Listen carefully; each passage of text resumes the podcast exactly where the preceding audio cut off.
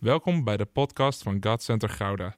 Vanaf deze plek willen we jou inspireren, motiveren en activeren om op een praktische manier je dagelijks leven met God vorm te geven.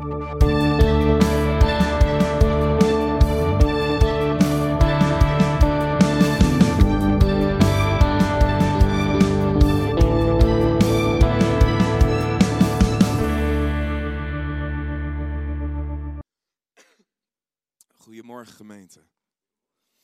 Uw buurman en buurvrouw al gedag gezegd? Ja, zeg even goedemorgen.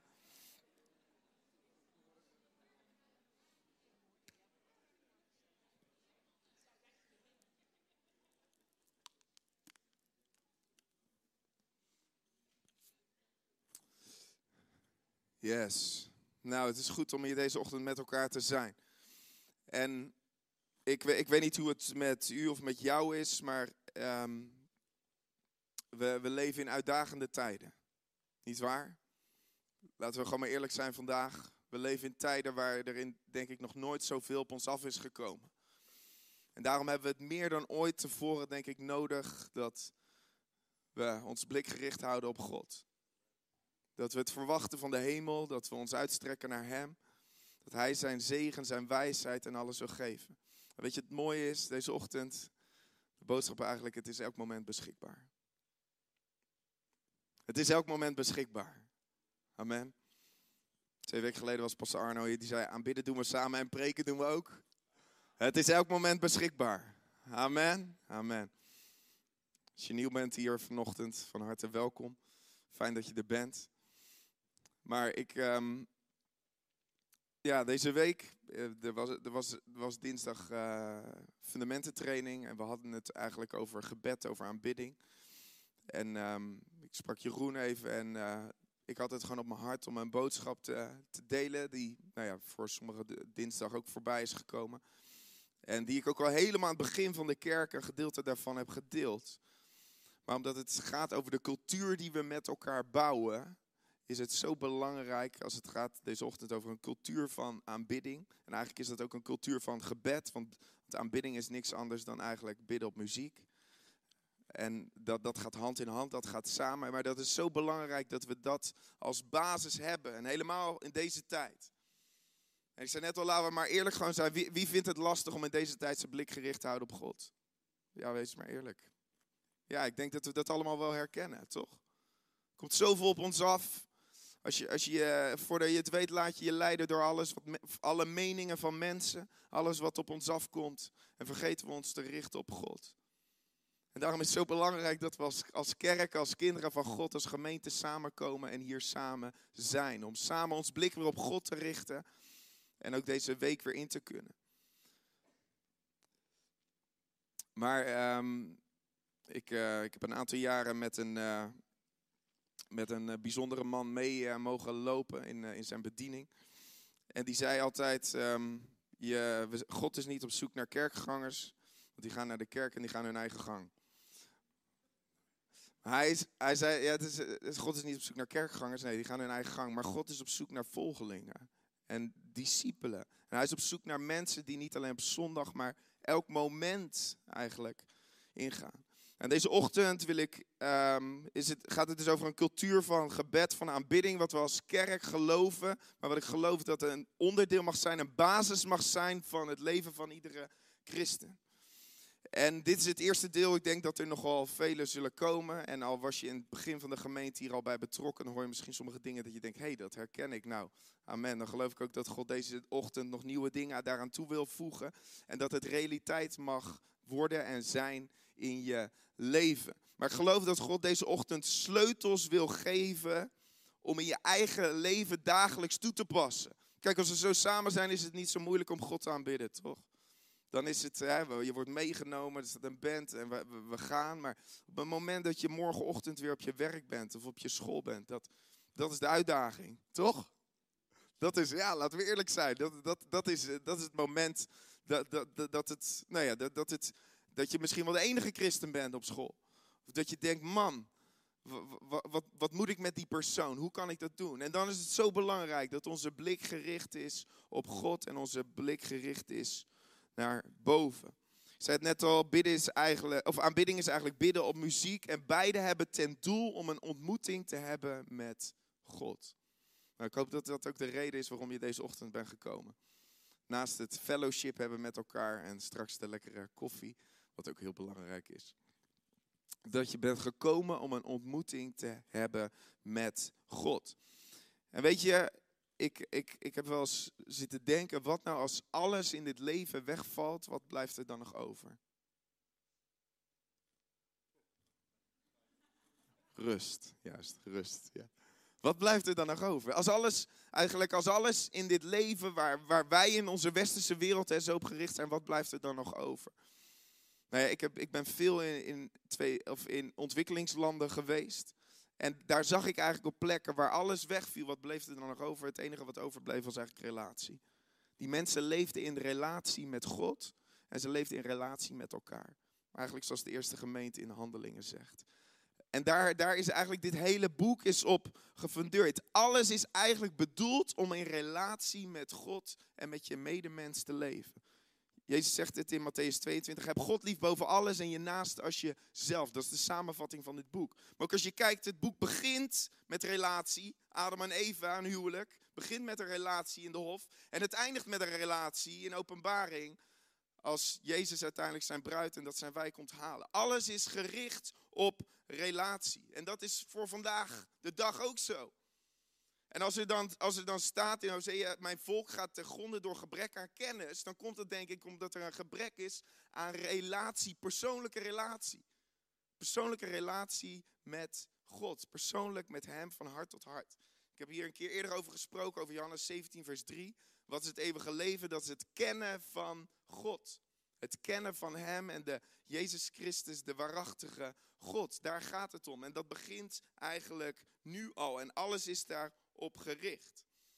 En weet je, wij kunnen misschien zeggen, Heer, ik verlang naar een relatie met u. Maar weet je wat nog veel mooier is? God zegt nog veel meer dan wij tegen hem zeggen, ik verlang met een relatie. Ik verlang naar een relatie met jou. Amen. Geloof je dat? Weet je, wij hebben lief omdat God ons eerst heeft lief gehad. Dus zijn verlangen om bij zijn kinderen te zijn is nog veel groter. Maar als ik naar mijn eigen leven kijk, of als, als, dan is er zoveel wat mij af probeert te houden, juist van die relatie om bij hem te zijn. Weet je, als ik kijk naar mijn, als ik kijk naar mijn kinderen, het, het, liefste wil ik dat mijn kinderen naar mij toe rennen als ik thuis kom. Toch? Ja, ik wil dat ze naar mij toe rennen. En dat, dat, dat meestal gebeurt het wel. kom ik thuis en papa, papa. En dan komen ze aange, die, die, de, de oudste komt er aangerend en die pak ik dan. En dan denk ik, ja, dat, dat, dat, dat is wat een vaderhart sneller doet kloppen. Weet je, en zo is eigenlijk hetzelfde met God. God verlangt naar een relatie met hem te wonen. En dat was al in het Oude Testament. Het was al in de tijd voordat Jezus was gekomen. Toen verlangde God al om bij zijn kinderen te wonen. En ik wil deze ochtend kort met jullie kijken, eigenlijk hoe God in het Oude Testament al naar verlangde om bij zijn kinderen te wonen. En wat dat voor ons hier in het Nieuwe Testament, als Nieuwtestamentische christenen, na de komst van Jezus betekent. Weet je, en aan de ene kant is het een groot verschil voor en na Jezus. En aan de andere kant zien we dat God altijd al dezelfde was, is en zal zijn. En daarin zijn trouw laat zien door alle generaties, door alle eeuwen, door alle tijden heen. Amen. Ik dacht, ik ga een stukje lezen met jullie. Uh, maar het is vier hoofdstukken. Dus ik, uh, dus ik dacht, dat wordt heel lang staan. En dan gaat die klok heel hard naar beneden van mijn spreektijd. Maar, um, dus ik, uh, ik, ik, ik, wil het, ik wil het eigenlijk samenvatten. Um, maar ja, ik, uh, dus, hè, er, komen echt bijbelteksten voorbij. Dus wees niet bang dat we de bijbel niet open doen. Die komt zeker open en voorbij. Maar als je je bijbel bij je hebt, ik heb het dus dit keer niet op het scherm. Het gaat uh, over het gedeelte van Exodus 26 tot Exodus 30. En dat mag je zelf een keer nalezen, maar ik ga eruit halen wat, uh, waar het deze ochtend om gaat. Want het gaat over de tabernakel. Het gaat over de plek waar God ervoor koos om onder zijn volk te zijn. En dat, dat, weet je wat tabernakel betekent? Tabernakel betekent tent der samenkomst. Dus God koos er al voor hij ten der ontmoeting, ten der samenkomst. Dus God koos er al voor om in het Oude Testament onder zijn volk te zijn. God wilde bij ons zijn. Zoals het toen was, is dat nu nog steeds hetzelfde. En ik heb een, uh, een fotootje meegenomen. Ik weet niet of het, uh, of het gelukt is. Kijk, dit, uh, zo moet het er ongeveer uitgezien hebben, denk ik. ongeveer. Dit, dit, was de tent der samenkomst. En dat was eerst de tabernakel, hè, toen de Israëlieten door de woestijn reisden. En uiteindelijk werd dat ook de tempel, toen ze in het beloofde land kwamen. Maar altijd met als doel dat er een plaats was en is om God te ontmoeten. En misschien, weet je, ik wil eigenlijk gewoon heel kort even gewoon doorgaan wat daar dan was en wat dat voor ons betekent als mensen hier en nu. Zoals je ziet was er één plek waar er naar binnen kon gaan. Er was één deur om naar binnen te gaan op die reis in de ontmoeting naar God toe.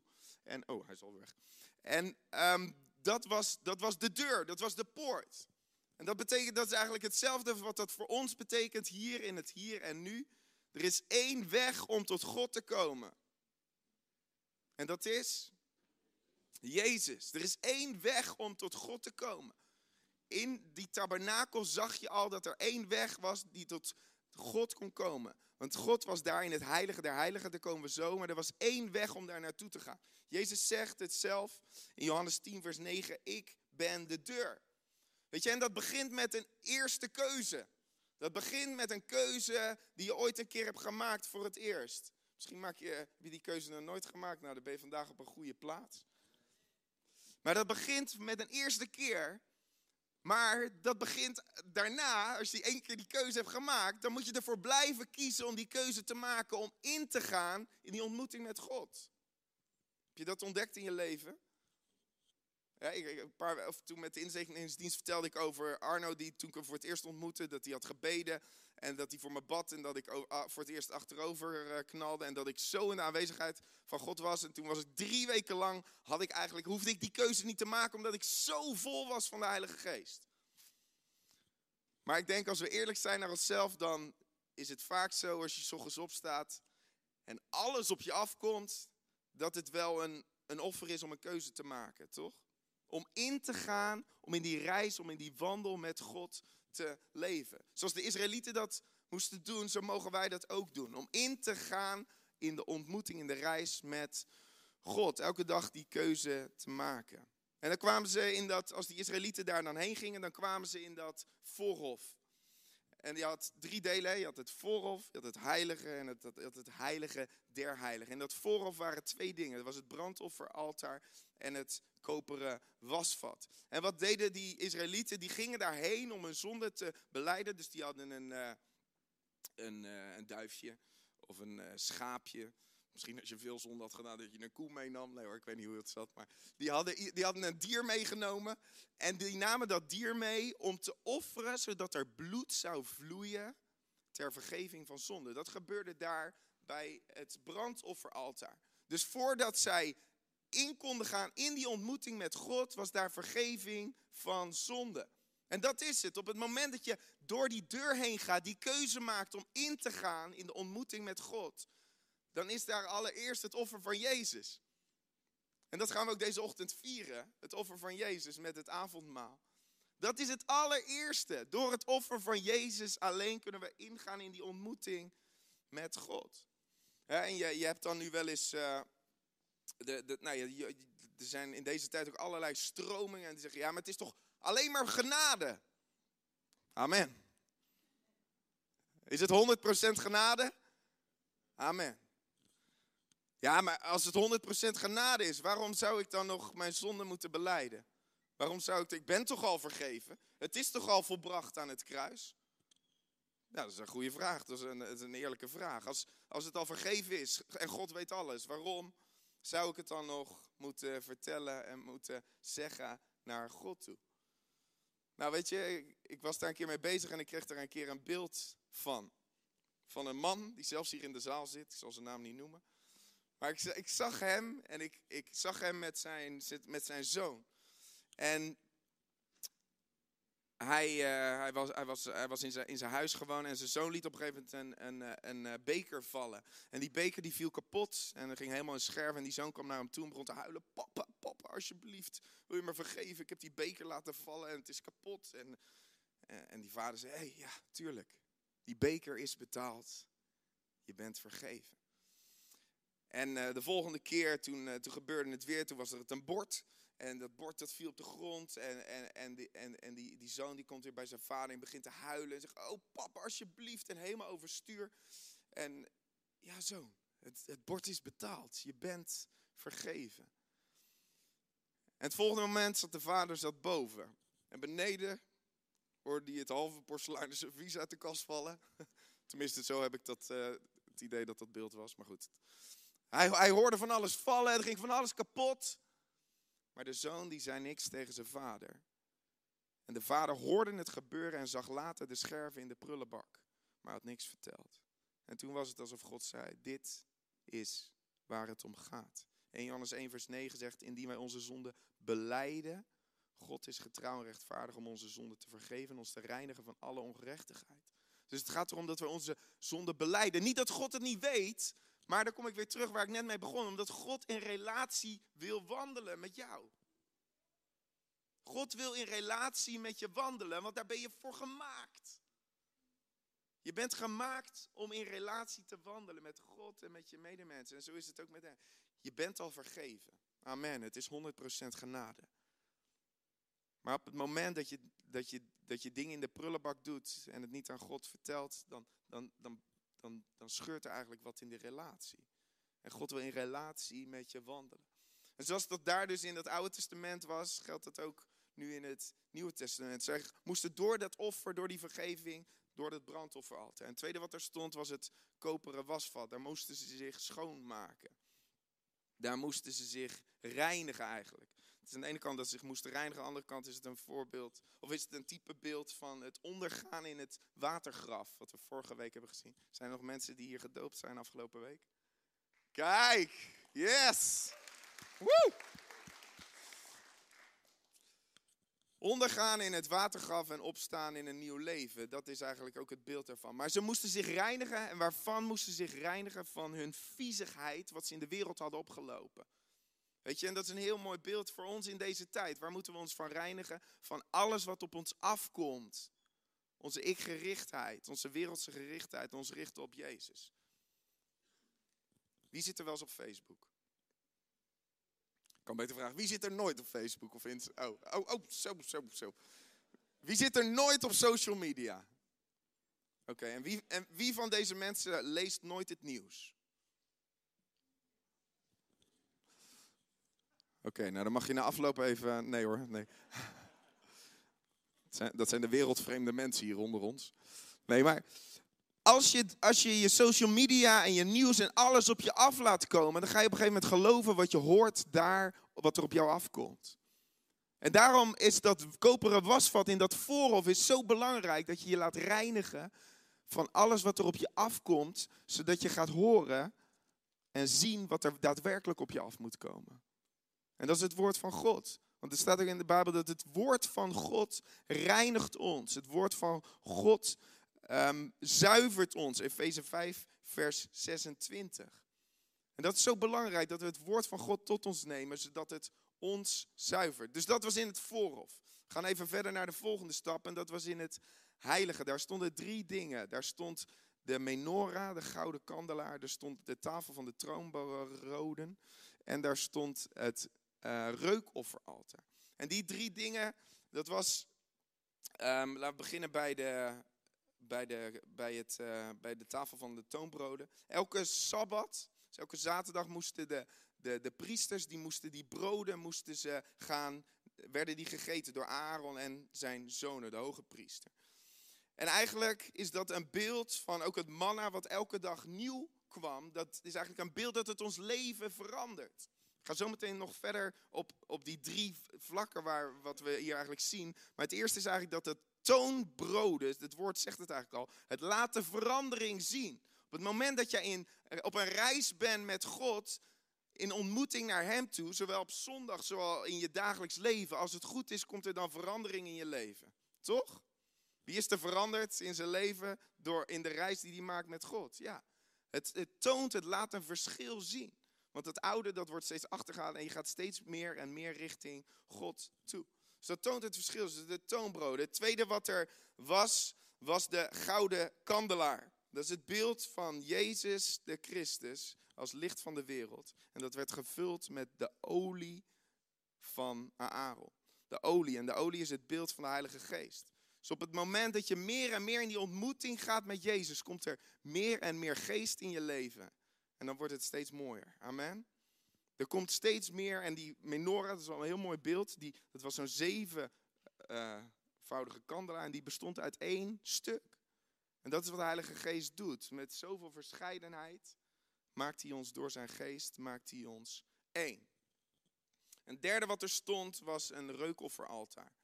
En daar werd eigenlijk, dat is onze aanbidding voor God. Op het moment dat dat offer werd gebracht, en dat, dat, dat is heerlijk rook en al die reukoffer zo naar God was, was het hele volk was in gebed. Het hele volk. Het hele volk was in gebed, in aanbidding, in voorbeden naar God toe. Dus dat was in het heilige. En dan het heilige der heiligen, dat was de plek waar de ark van het verbond stond. Daar zaten de stenen tafelen in, daar stonden twee gerubs boven. En daar was de aanwezigheid van God.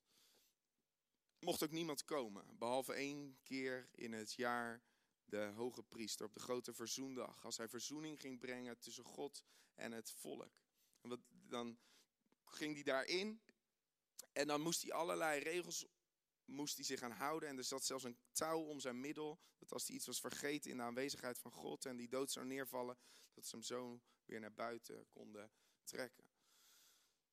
En dat is de aanwezigheid van God, is de heerlijkheid van God. Waar hij was. En waar hij vanaf die plek in de ontmoeting was met zijn volk. Denk je, nou, denk je, nou, misschien mooi hè? Voorhof, heilige, heilige der heiligen. Maar wat moet ik daar nou mee? Vandaag de dag. Nou, weet je, toen ik dit ontdekte voor het eerst in mijn leven, heb ik, is, het voor mij een, eh, is er een wereld open gegaan. Eh, vorige maand hadden we het op, eh, op de bidstond hadden we het over de geestelijke wereld waarin we leven. Als je daar niet bij was, nou, de, de, de Bijbel spreekt over drie hemelen waar wij in zijn. De eerste hemel is de hemel die je ziet met je ogen. Dat is de, de mooie blauwe lucht, soms met wolkjes in Nederland. De, de tweede hemel is het rijk der duisternis. Dat is waar, waar de strijd gaande is. En de derde hemel is het koninkrijk van God. Daar is waar God regeert. En weet je, jij en ik, wij zijn ervoor gemaakt we leven hier misschien wel op, op die aarde, onder die eerste hemel. Maar we zijn ervoor gemaakt om eigenlijk te leven. Zoals het is in de hemel, ook hier op aarde. En jij als mens, wij als mensen bestaan uit drie delen. We hebben een lichaam, we hebben een ziel en we hebben een geest. En die drie dingen eigenlijk waar wij als mensen uit bestaan, dat, dat, dat mag je eigenlijk leggen op die drie plekken van de tabernakel. Waarom? Wat zeiden we net? Dat voorhof, dat is waar dat koperen wasvat staat en dat brandofferaltaar. En dat is eigenlijk de plek waar je je vlees kruisigt, je lichaam. Zonder Jezus, zonder Hem, kunnen wij niet tot God naderen. En daarom is het zo belangrijk dat wij hier op die plek, in dat voorhof, dat we achterlaten dat wat niet van God is. Amen. Dat voorhof is de plek waar je je vlees kruisigt. En weet je, volgens mij komt het vlees wel vaak naar boven. Tenminste, bij mij komt het nog wel eens naar boven. Bij andere mensen ook? Ja, dat vlees komt naar boven. Want dat, dat wil, hè. Je hebt het nog niet goed genoeg op die barbecue gelegd. Het is nog niet goed genoeg verbrand. Het, het, moet, het moet, weet je wel. Paulus zegt, hè, de geest is wel gewillig, maar het vlees is zwak. Het vlees komt toch nog naar boven steeds. Meer en meer. Maar als wij naderen in die aanwezigheid van God, dan mogen wij dat daarachter laten. Dus daarom is het goed om soms dingen te beleiden. Daarom is het goed om je te laten dopen. Als je nog niet gedoopt bent, is een oproep voor jou om je te laten dopen. Om onder te gaan in het water en op te staan in een nieuw leven. Maar ook om je te laten reinigen van het wereldse denken. Dus de, het voorhof is de plek waar je je lichaam, waar je je vlees kruisigt. En dan ga je eigenlijk naar de volgende plek. En dat is het, het heilige. En dat is de plek waar je je ziel oproept. We hebben lichaam, ziel en geest. Voor of heilige, der heiligen. Dat heilige is de plek waar je je ziel oproept. Wat is je ziel? Je ziel is je denken. Je ziel is je gevoel. En je ziel is je wil. Weet je, jullie zitten me allemaal heel lief aan te kijken, maar misschien denk je wel, man, waar heeft hij het over? dat, dat gebeurt allemaal in je denken. Misschien zit je hier en voel je je doodmoe. Omdat je denkt, ach, maar je moest eens weten waar een brakke nacht ik heb gehad. En voor de tieners, dan had je eerder naar bed moeten gaan. Voor de ouderen met kinderen bidden we om een goede nachtrust de komende nacht. Dat is je gevoel. Dat is je denken en dat is je wil. Misschien zit je hier, maar wil je hier helemaal niet zitten. Omdat je eigenlijk al thuis wil zitten, omdat Max straks gaat beginnen. Ja, en ja, nu noem ik het. En nu gaan sommige mensen gaan daar dus aan denken nu. Nou, dat moet je dus niet doen. Hoe laat is die? Nee, acht uur, negen uur. Nou, ik zal nog even blijven praten. Ik hoop dat je op tijd bent. Maar dat is het vaak. In die ontmoeting naar God toe gaan wij vaak aan andere dingen denken, toch? Maar wat doe je daar? Vaak is het zo dat ons denken, ons gevoel en wat wij willen, dat heerst over ons. Nou, vandaag wil ik je zeggen, het is de bedoeling dat jij gaat heersen over jouw denken, over jouw wil en over jouw gevoel. Het is de bedoeling dat jij gaat heersen over jouw denken, over jouw wil en over jouw gevoel. Want als jij altijd maar zegt, ik voel het niet. Ik wil dat liedje niet zingen. Dat is te nieuw, dat ken ik niet, dus ik doe niet mee. Ja, dan ga je nooit komen op de plek waarvoor je bent bedoeld.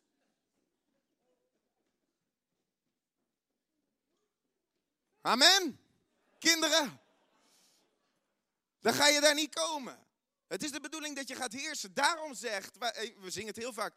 Loof de Heer, o mijn ziel. En dat komt uit Psalm, dat komt uit Psalm 103, waar David zegt, en tegen zijn ziel spreekt om de Heer te gaan loven. Weet je, sommige mensen moeten het vandaag horen dat je tegen je ziel moet gaan spreken. En tegen je ziel moet gaan zeggen, ik ga de Heer loven hoe ik me ook voel. Ik ga de Heer loven wat ik ook denk en ik ga de Heer loven wat, wat, wat ik ook wil. Ik kies ervoor, het is een keuze. We zeggen altijd, aanbidding is een keuze, gebed is een keuze. Nou, spreek maar tegen je ziel, het is een keuze. Laten we het even hardop doen. Zeg maar maar nou, het is een keuze. Ik spreek tegen mijn ziel, tegen mijn denken, tegen mijn wil en tegen mijn gevoel. Ik zal de Heer prijzen. Ik zal Hem loven. En die keuze maak ik. En die keuze blijf ik maken. In Jezus' naam. Amen. Weet je, heel vaak, heel vaak, ja, heel vaak komt er zoveel op ons af dat we die keuze niet Weet je, op het moment dat jij in bent gegaan in die poort en bent in dat voorhof, dan zal de duivel je proberen om heel druk te houden met je eigen vlees. We naderen vaak niet tot het heilige der heiligen, omdat we druk zijn met ons eigen wereldse denken en met ons eigen vlees, met ons eigen rotzooi, alles waar we nog mee bezig zijn. Als je daar daarmee hebt afgerekend, kom je als het ware in een nieuwe dimensie. En dan denkt de duivel, oef, hij is nou wel heel dichtbij waar Gods aanwezigheid is. En dan denk je, ah, dan ga ik allemaal pijlen afsturen, dat hij aan andere dingen gaat denken, andere dingen gaat willen en andere dingen gaat voelen. En dan komt daar een strijd. Weet je, ik zei net, we hebben een eerste hemel en een tweede hemel. Die tweede hemel is de strijd gigantisch groot. Het is het rijk der duisternis. Paulus zegt in Efeze 6, we strijden niet tegen vlees, of we strijden niet tegen vlees en bloed, maar tegen overheden en machten. Daar is een strijd gaande. Dat is gaande om jou en mij. Om maar te zorgen dat je niet daar komt op die plek waar je voor bedoeld bent. Weet je maar wat hier gebeurt op het moment dat je dat jouw denken en jouw gevoel en jouw wil niet meer over jou heerst, maar dat jij heerst over jouw ziel. Dan zegt Paulus, of dan zegt, uh, zegt David in, uh, in Psalm 63, mijn ziel dorst naar u.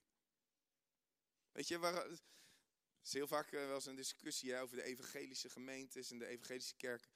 Ja, die blijven maar herhalen totdat ze ons wegen. Nou, weet je, het is een voorproefje van de hemel, want in de hemel zingen ze 24-7 heilig, heilig, heilig. Nou, er zal vast een afwisseling komen, of we vinden het dan opeens allemaal mooi, dat kan ook. Maar eigenlijk wat, wat daar is, is, is dat, dat, wat, Paulus, of wat David hier zegt in Psalm 63, is dat hij zijn ziel naar hem dorst. Weet je, op het moment dat je boven je wil, je denken en je gevoel gaat staan, en je daar dus voor kiest, dan kan je dus op een gegeven moment op een plek komen waar je niet meer kan stoppen, waar je meer en meer wil. Weet je, en vandaag zitten hier ook heel veel mensen, en ik herken het in mijn eigen leven ook, dat, ik, dat je eigenlijk denkt, ja, maar die dorst en die honger, die heb ik niet meer. Weet je, vandaag is een, een dag om te kiezen. Om te zeggen, ja Heer, ik verlang weer naar die honger en die dorst. Ik verlang weer dat mijn ziel dorstig is naar U. Want ik wil leven in die ontmoeting met U. Ik wil leven vanuit Uw aanwezigheid. Kies ervoor om tegen je ziel te spreken. Vandaag hebben we het samen gedaan. Morgen kan je het alleen doen of met je gezin. Kies ervoor om een keuze te maken. Wat komt daarna? Daarna komt het heilige der heiligen. En de heilige der heiligen is eigenlijk de plek waar je van geest tot geest met God gaat communiceren. De plek waar je van geest tot geest met God gaat communiceren. Weet je wel, dat is de plek waar je Gods hartklop voelt. Dat is de plek waar je een bewogenheid voelt opeens voor dingen. Dat is de plek waar je opeens vanuit het niks kan huilen. Dat je denkt, man, wat, wat gebeurt er nou weer? Wat ervaar ik nou? Je ervaart zo Gods aanwezigheid. En daar zijn we eigenlijk voor gemaakt om vanuit die intimiteit met God te leven. En dan nu het verschil tussen het Oude Testament en het Nieuwe Testament. Het Oude Testament en het Nieuwe Testament. Wat was er in het Oude Testament? Alle Israëlieten, alle mensen, die kwamen daar en die gingen door de deur, die kwamen in het voorhof, maar die mochten geen eens verder komen. En toen kwam Jezus. En toen Jezus zei, het is volbracht. Wat gebeurde er? Het voorhangsel scheurde van boven naar beneden. De weg werd vrijgemaakt. De weg werd vrijgemaakt. De weg werd geopend door het offer van Jezus. Waarom? Zodat er geen barrières meer zouden zijn. Dat je elke dag zou kunnen en mogen naderen tot God. Elke dag. Elke dag. Elk moment. Is Hij hier? Is Hij bij jou? Mag je tot Hem naderen? Hoe zit dat in jouw leven? Hoe zit dat in mijn leven? Nader je tot Hem?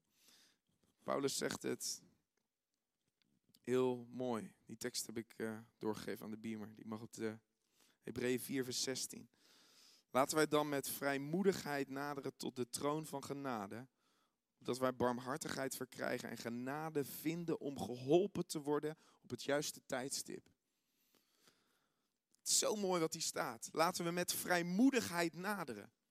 Weet je, misschien, misschien zit je hier en denk je wel van, man, man, man, ik, ik heb eigenlijk al tijden niet die keuze gemaakt om door Jezus binnen te gaan. Ik heb die keuze ooit gemaakt, maar die keuze opnieuw dagelijks, eigenlijk dagelijks die keuze maken, die heb ik al een tijd niet gemaakt. Of, of ik zit hier en ik zit hier met het brandofferaltaar, met dat koperen wasvat. Ik ben bezig met mijn eigen sores en noem het allemaal maar op. En eigenlijk ben je hier zo druk mee geraakt dat je eigenlijk je bent gaan schamen en zo. Je hebt je de rug toegekeerd en je bent eigenlijk weer de andere kant op gelopen. God zegt vandaag, je mag naderen met vrijmoedigheid. Je mag komen zoals je bent te naderen met vrijmoedigheid. Want wat krijg je dan? Wat ontvang je? Barmhartigheid en genade.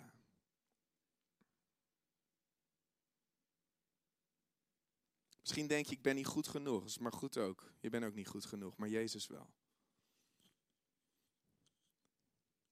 Jij bent nooit goed genoeg. Het enige wat je hoeft hoeft te doen is te zeggen, ik ben niet goed genoeg, ik heb u nodig, Jezus. We kunnen vaak zingen en bidden en vragen om, om, om God te laten komen, maar mag die, mag die ook in ons eigen hart en leven komen? En als we Hem daar de ruimte voor geven. Op op elke plek in ons hart en in ons leven. Om geholpen te worden op het juiste tijdstip. Misschien is mooi, dit is het juiste tijdstip om de band om naar voren te komen. Om geholpen te worden op het juiste tijdstip. Weet je, God is altijd op tijd. God is altijd op tijd en vaak voelt dat voor ons te laat. Wie herkent dat? Dat je denkt, oh, ik heb het zo nodig, maar God is altijd op tijd. Op het juiste tijdstip. God wil je vandaag helpen op het juiste tijdstip om te naderen tot Gods troon. Maar sta je ervoor open? Wil je die keuze maken? Weet je, het voorhangsel is gescheurd. We leven in de tijd van het Nieuwe Testament door het bloed, door het offer van Jezus. En vandaag mag je, mogen wij die keuze opnieuw maken om te zeggen, ja Heer, ik wil ervoor kiezen om in aanbidding, in gebed, in mijn eigen persoonlijke leven die keuze te maken. Je bent niet geroepen om in het voorhof te blijven hangen, amen. Je bent niet geroepen om hier te blijven, je bent geroepen om door te gaan. Je bent geroepen om door te gaan in die reis. Misschien denk je, wanneer zit ik dan in fase 1? Wanneer komt fase 2 of fase... Nee dat, daar gaat het helemaal niet om. Maar het gaat erom dat, je, dat, dat, je, dat het zichtbaar wordt dat we leven in een geestelijke realiteit. Dat we leven vanuit een woord wat zo getrouw is dat het in het Oude Testament al trouw was en nu in het Nieuwe Testament voor ons vandaag de dag nog steeds geldt. En God nog steeds dezelfde is. Je bent geleefd om uiteindelijk die reis met vallen en opstaan te maken. Maar vandaag is een dag dat er weer mensen hier zijn die mogen zeggen: Ja, ik ga opnieuw die keuze maken. Ik ga opnieuw die keuze maken. Misschien moet je voor het eerst die keuze maken om überhaupt in te gaan op datgene wat God uitnodigt. Misschien loop je al twintig jaar met God, maar ben je je passie eigenlijk kwijtgeraakt. Misschien is het wel dat je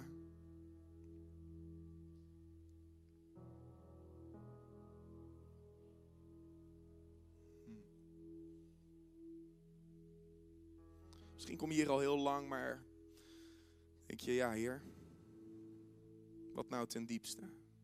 Ik zing, ik zing alle liederen wel mee, maar ik verlang gewoon naar die plek van het heilige der heiligen. Weet je, we gaan een avondmaal met elkaar vieren. Zonder het offer van Jezus kunnen we daar never nooit komen.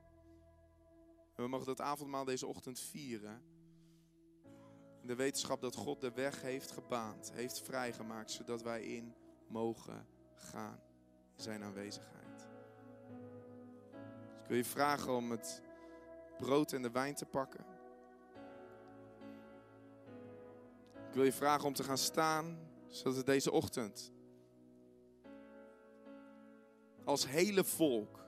Weet je wat ik zo mooi vond bij dat reukofferaltaar? Het hele volk was in gebed. Deze ochtend mogen we als hele volk gaan staan. En tuurlijk, je moet zelf persoonlijk een keuze maken, maar deze ochtend helpen we je om als hele volk te gaan staan. Ik wil vragen of je een moment je ogen wil sluiten. En daarna zingen we een klein gedeelte van een lied. En daarna nemen we het brood. Zingen we nog een gedeelte, nemen we de wijn tot ons. Sluit je ogen maar. Dank u Jezus dat u hier bent door uw Heilige Geest.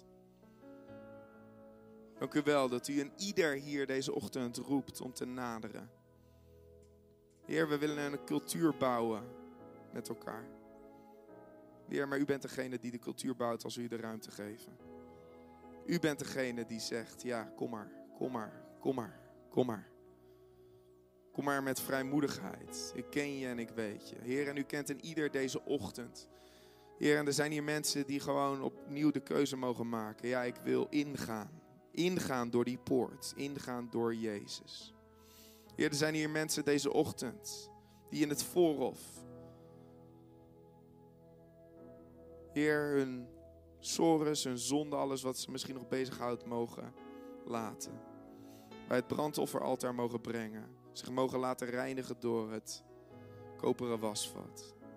Heer, er zijn hier mensen deze ochtend, Heer, die, die in dat heilige, Heer, deze ochtend gewoon mogen zeggen tegen hun ziel, ja, ik kies ervoor. Wat mijn wil, wat mijn gevoel, wat mijn denken ook zegt, ik kies ervoor om daarboven te staan. En ik train mijzelf om in te gaan in het heilige der heiligen. Heer, in deze ochtend, u kent ons hart, u kent ons verlangen. Ik bid dat er meer honger en dorst zal komen.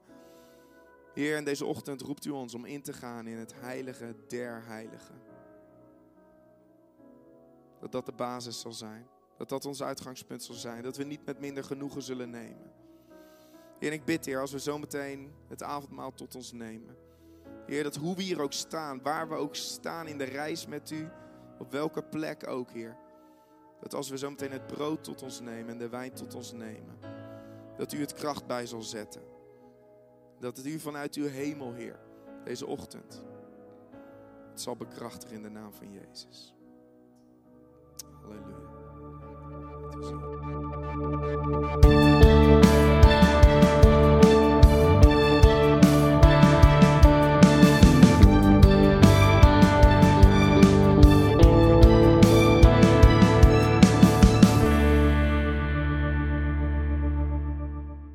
Bedankt voor het luisteren naar deze podcast. Volg ons op onze kanalen om verbonden te blijven. Heeft deze aflevering jou geraakt? Deel dan op je socials en tag ons, zodat we samen meer mensen kunnen bereiken.